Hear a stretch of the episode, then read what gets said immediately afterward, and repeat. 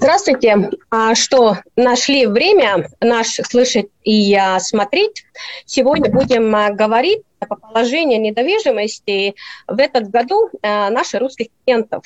И меня зовут Леоника Ярве, и со мной сегодня Лия Корелина, маклер Арковара, Максим Макеев, тоже маклер Арковара, и наш профессиональный отчетник Руть Казик.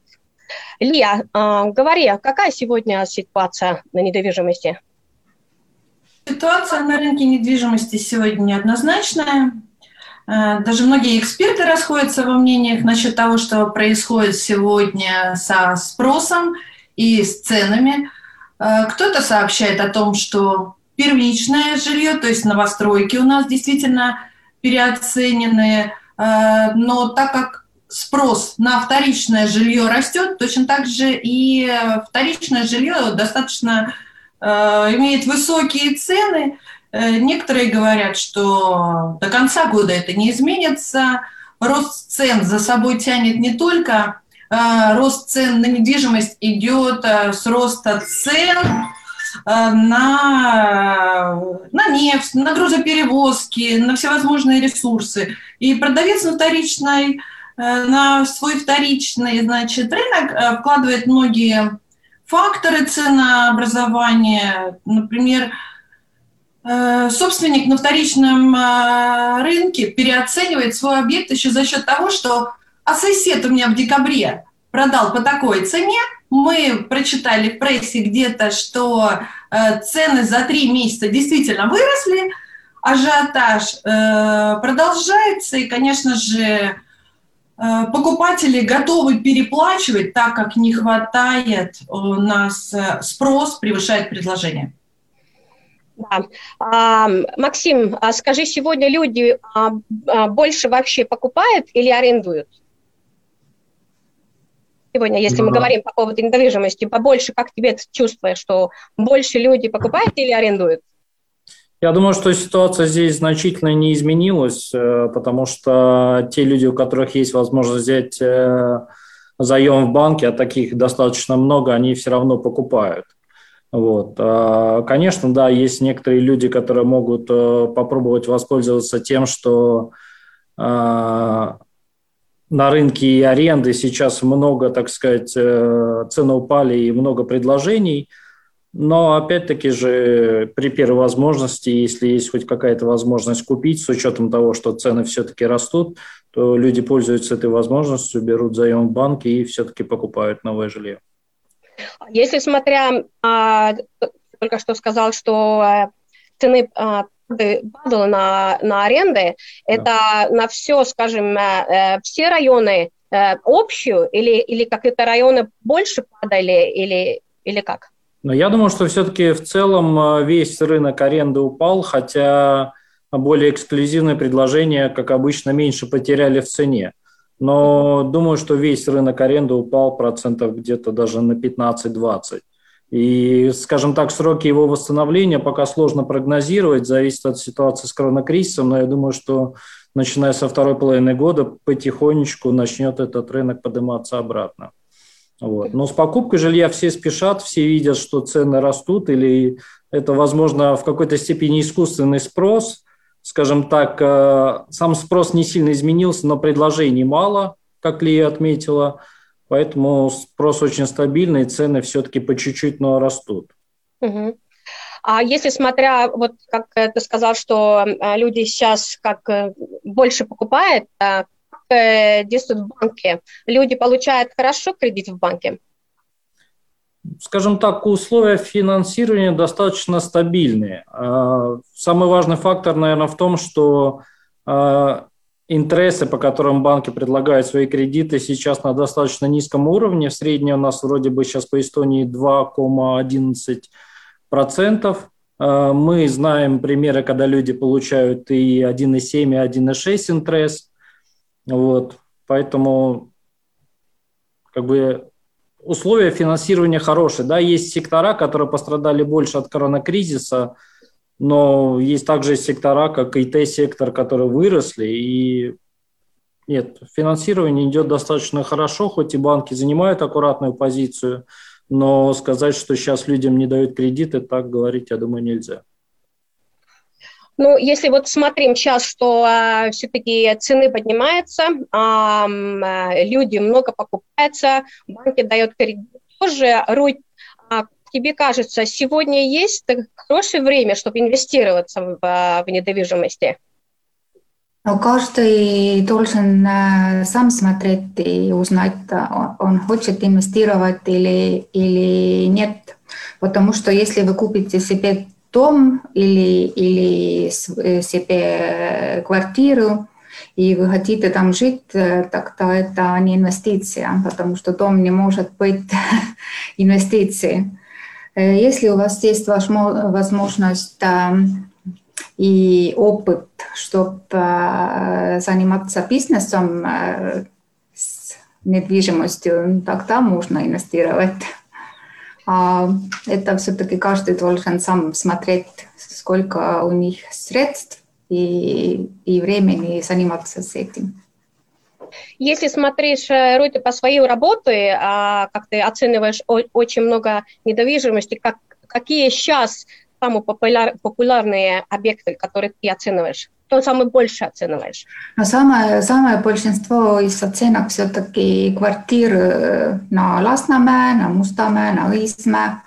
Э, много новых э, объектов, что строят.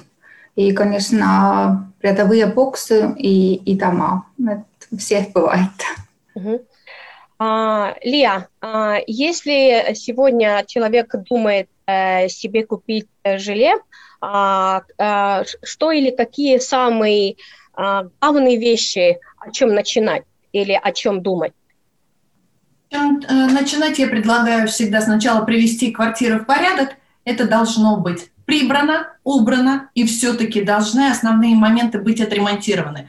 Нецелесообразно делать капитальный ремонт, но квартира должна быть э, готова для въезда. Если мы смотрим, ты сейчас говорила как бы по сторону продажи, да?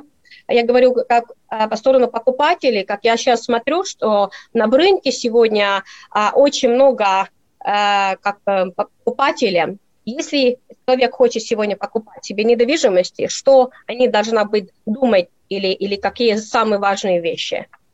Ну, первое, конечно же, взвесить свои материальные возможности, потому что кто-то задумывает купить э, квартиру, но скажу так, что часто мы сталкиваемся с такими моментами, что люди решили купить, а потом они ищут, откуда взять деньги.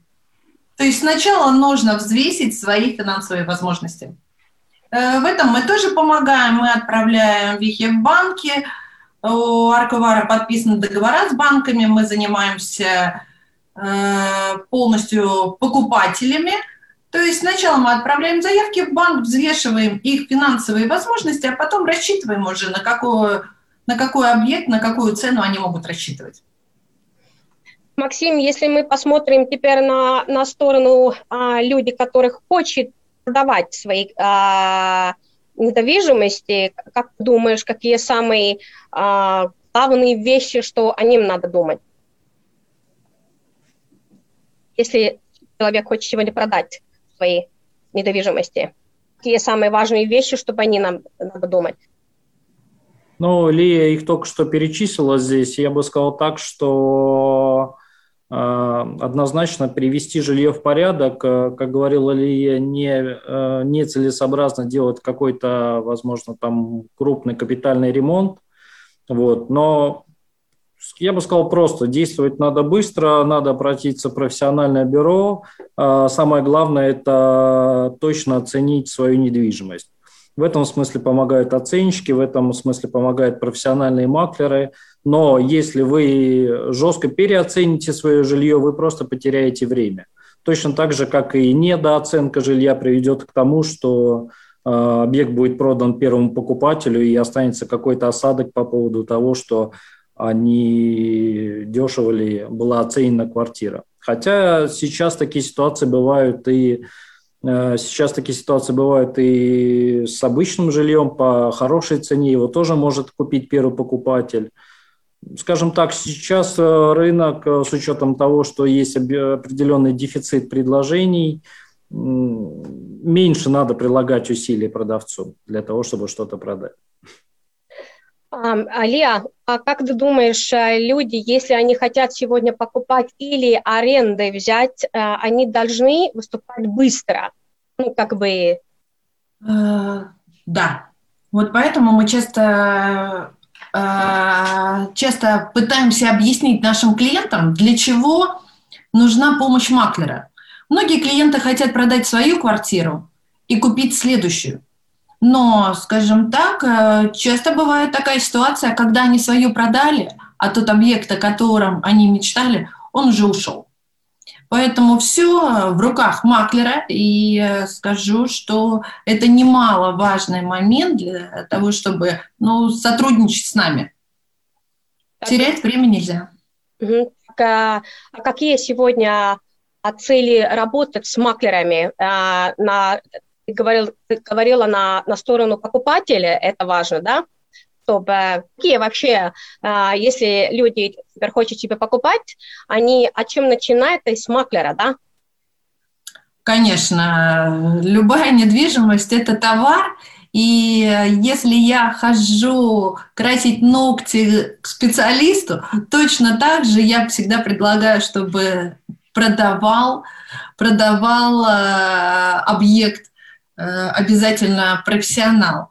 У нас э, договора с банками, э, к чему я уже возвращалась. Мы знаем, как привести квартиру в порядок, как сделать правильные фотографии, как разместить объявление.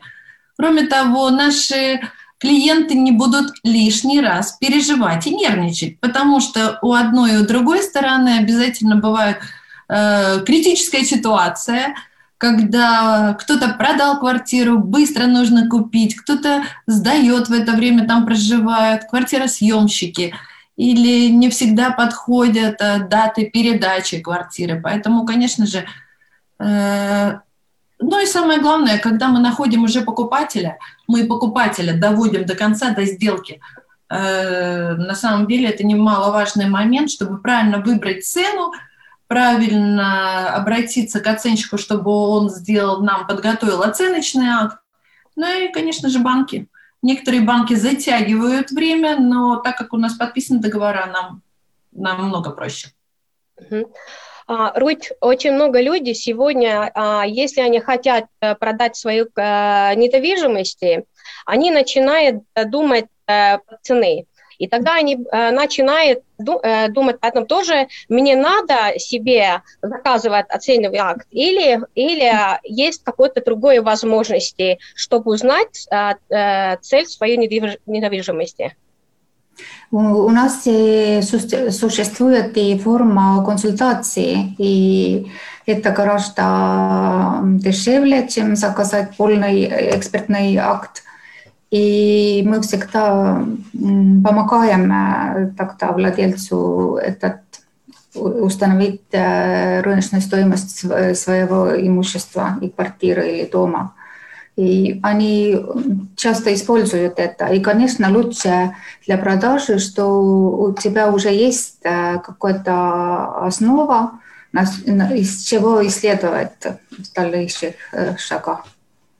А если, если люди будут заказывать, э, это, э, ты сказала, консультация, mm-hmm. тогда надо тоже э, все это с вами первый раз контактировать, а вы тоже на месте идете или, или как это? Да, мы обычно все-таки сделаем осмотр квартиры, составим это экспертное мнение – и потом, если найдется покупатель, мы можем это экспертное мнение на тех же основах оформить на экспертный акт, что годится для банка для получения кредита. И тогда уже этот владелец э, может решать, э, будет ли он это э, ну, заказать и платить, или, или тогда уже покупатель. Все, все возможно. Mm-hmm. Как всем. Максим, сколько людей вообще а, спрашивают а, а, или заказывают а, такие консультации, или у них есть возможности а, спрашивать это и у маклера тоже? Конечно, есть, потому что мы с маклерами тоже ведь работаем вместе, и очень, очень часто маклера уже придут нам и спрашивают, насколько это можно продавать этот объект. Угу. Они покажут нам тоже фотографии, и мы посмотрим в регистрах, как, какая может быть та продажная цена, рыночная стоимость этой объекта. Так что с маклерами мы тоже так работаем. Максим, как ты комментируешь по поводу этого, если люди хотят себе ну, узнать э, цен по недвижимости, что продать?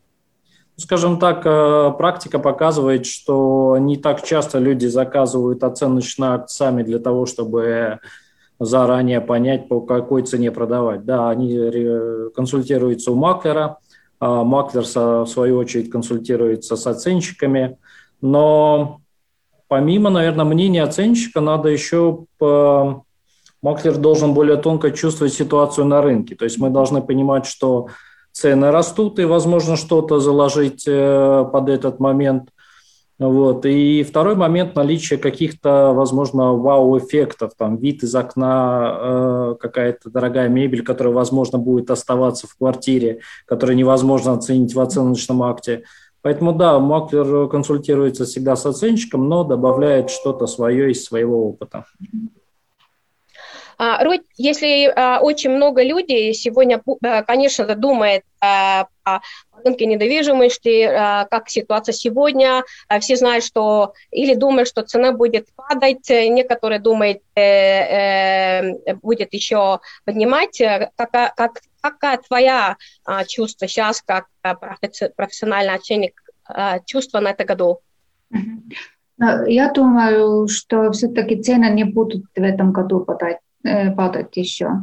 Э, потому что об этом говорит, говорят уже последние три года, что опять будет какое-то падение, но, но пока этого нет, и я думаю, что этого не будет. Потому что сейчас некоторые люди могли взять деньги из э, пенсионного фонда, и что они с этими деньгами будут сделать, это еще не, не, мы не знаем. Может быть, они будут инвестировать в недвижимость. Так что я думаю, что не, не будут падения цен пока. Лия, а какая твоя чувство? Почему сейчас, сегодня, например, люди а, так много, много покупают? Потому что вначале все-таки у нас э, сегодня а, если смотря на корона, это кризис, а, много вещей, бизнеса, все закрыт. Э, а, как на другую сторону кажется, что должна быть по-другому, но все-таки рынок очень активно. Какая твоя чувство? Почему? У меня есть по этому поводу свое мнение. Я не верю, что цены будут падать. И объясню почему. Как Роти уже упомянула, э, пенсионный фонд – это одно из первых. А, второе, так как у нас проблема в экономике всего государства заставляет людей из регионов переезжать в более крупные города. Таллин является одним из наиболее популярных для переезда мест, потому что здесь еще можно найти работу. Ну и так как э, ситуация сейчас критическая, я в двух словах могу объяснить только как мама, потому что мы привыкли, что наши дети ходят в садики и школы, Э, целый день мы расходимся, а, а в данной ситуации мы все вместе находимся дома. И, конечно же, пришел тот момент, когда нам становится тесно. Не потому, что у нас не хватает квадратных метров, а потому, что мы пересекаемся в течение дня несколько раз. Э, и, конечно же, взрослые дети хотят жить отдельно, родители хотят какой-то приватности. И э, как бы мы не любили своих детей, родителей, мы устаем от этого. Поэтому это тоже такая тенденция к тому, что покупать отдельное жилье взрослым детям или родителям. Поэтому я не вижу пока что такой ситуации, что... Ну и, конечно же, банки финансируют. Я не вижу пока что в ближайшее время какого-то падения. Ну и, конечно же, то, что недвижимость – это товар, и люди пытаются куда-то вкладывать денежки, потому что никто не знает, э, что будет в дальнейшем. Кто-то боится роста инфляции, кто-то боится потерять то, что есть. И то, что банки дают такие низкие кредиты, вот Максим назвал цифры 1,6, 1,7 и 1,8, это действительно так. конечно же, скажем так, мы стараемся пользоваться дешевыми деньгами. Да, я тоже так думаю, что сейчас, э, как люди не знают, что будет следующий год, э, что будет после этого. Если у людей сегодня есть э, работы, они сегодня получают зарплат, а банк кредитует тоже, и есть возможности, это как, э, ну, э, кажется, логично. А, Максим, а, ты умеешь говорить тоже, какая ситуация сейчас с бизнесами, бюро аренды и, и, и, скажем, да, бюро? Ну, скажем, у меня этой информации там не так много, потому что у нас на это есть специализированные брокеры, которые занимаются бизнес-недвижимостью. Вот, конечно, ситуация в бизнес-недвижимости гораздо более сложная, чем э, в жилом секторе. Вот, но цены, безусловно, упали, спрос пока не восстанавливается, но, скажем так, более точного прогноза я дать не могу, когда начнется примерно восстановление. Тяжело его ожидать в этом году. А, Лия, а если смотря сегодня покупатели, ну, как эм, на какой возрасте люди больше? Они молодые, которые а, покупают недвижимости, или, или как тебе чувство, что кто покупает сегодня? Скажу так, что за этот квартал у меня было действительно очень много сделок, и вот э, подвести какую-то корреляцию, да, кого больше, невозможно. Покупают и 30 плюс, и покупают и 65 плюс. То есть нет такого, что единственное, что молодежь, э, конечно же, пользуется кредитованием, э, родители стараются помочь э, на первый взнос, и те, кто вот уже 65 плюс, многие съезжают с больших квартир, продавая свои квартиры по более высоким ценам и покупают уже за полную стоимость себе меньшего размера квартиры. Ну, этим образом они помогают своим детям, внукам, кому-то еще. А, Максим, а, если э, смотрят твои клиенты, есть много клиентов, которые покупают и должна в это же время продать свою старую э, недвижимость. Да, таких клиентов достаточно много, и, скажем так, возможно, это в работе маклера более сложная ситуация. И здесь надо учитывать очень многое количество моментов. Люди делают какие-то типичные ошибки. Люди часто бывают, что начинают вообще не оттуда. Они сначала ищут что-то, что они могут купить, а потом обращаются к брокеру и говорят, что, вот знаете, да, вот давайте продадим, но вот у меня есть квартира, которую я хочу купить. Конечно, процесс продажи, он более длительный, и начинать надо именно с продажи. Конечно, учитывая тот момент, что часто бывает так, что людям две сделки должны произойти достаточно рядом по датам, поскольку часто клиенту просто некуда переехать в промежутке. Он должен переехать из э, жилья, в котором живет сейчас, э, в то, которое покупает. И эти моменты сопоставить бывает, ну, да, сложнее. Но в этом и заключается работа маклера. Также я как понимаю, что покупателям э, сегодня тоже а с что начинайте из правильной вещи. Например, во-первых, а, надо оценивать свою старую недвижимость, потом начинать, если уже вы знаете цель, тогда уже начинаете себе ищить новую. Чтобы ищить новую, обязательно возьмите маклера, потому что маклер сегодня может очень много отдать правильные Э, например, а, правильные вещи, чтобы что, как начинать что делать.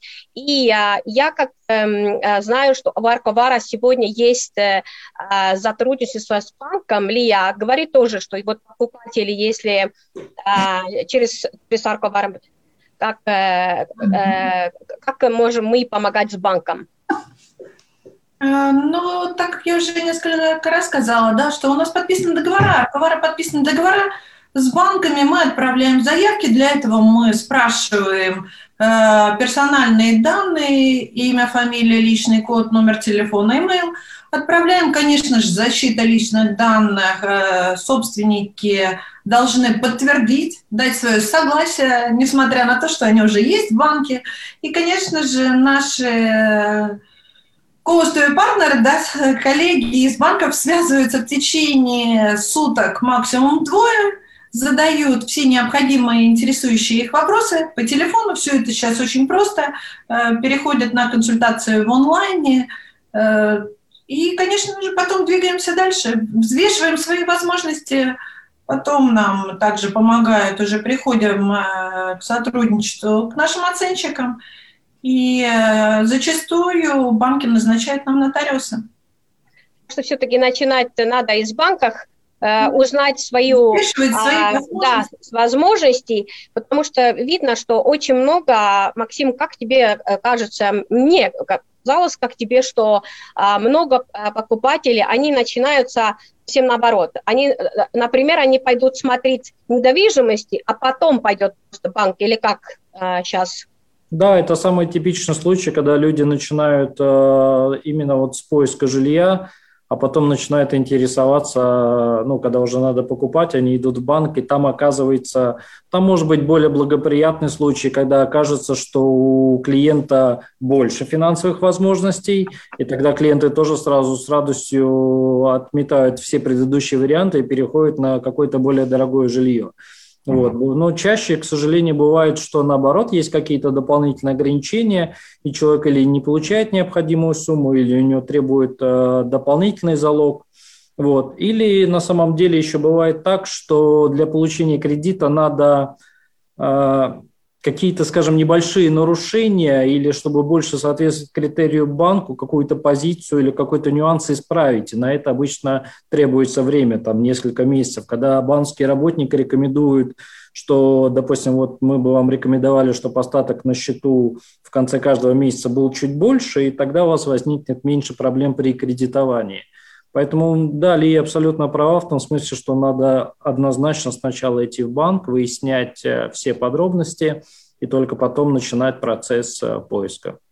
Да, иногда, э, иногда была даже такие ситуации тоже, что люди думают, например, что за своим зарплатом я получаю там 200 тысяч, пойду сразу искать такие квартиры, а потом, если пойду в банк, узнаю, что мне все-таки так э, э, много денег не дают, и я э, потеряла свое время, маклерское время и, и все покупать, продавцы тоже, которые продали. Ну, в этом смысле есть такая небольшая, так сказать, помощь шпаргалка, особенно для молодых клиентов, что а, чтобы примерно правильно оценить, э, насколько дорогое жилье может купить тот или иной клиент, надо брать в среднем свою зарплату за 5 лет. Это примерно индикатор, вот, по которому можно выбирать жилье. Годовая зарплата за 5 лет, если у человека зарплата, соответственно, 30 тысяч, то есть он там может потратить разумно до 150 тысяч на квартиру. Вот. Точно так же и лучше, ну, особенно это бывает с молодыми людьми, э, нужно соблюдать правильную последовательность. Сначала надо купить жилье, а потом уже покупать машину. Многие клиенты приходят к нам и говорят, вот я хочу купить жилье, но вот только что я купил машину, это, конечно, значительно э, снижает их э, уровень того кредита, который они могут взять в банке. Вот.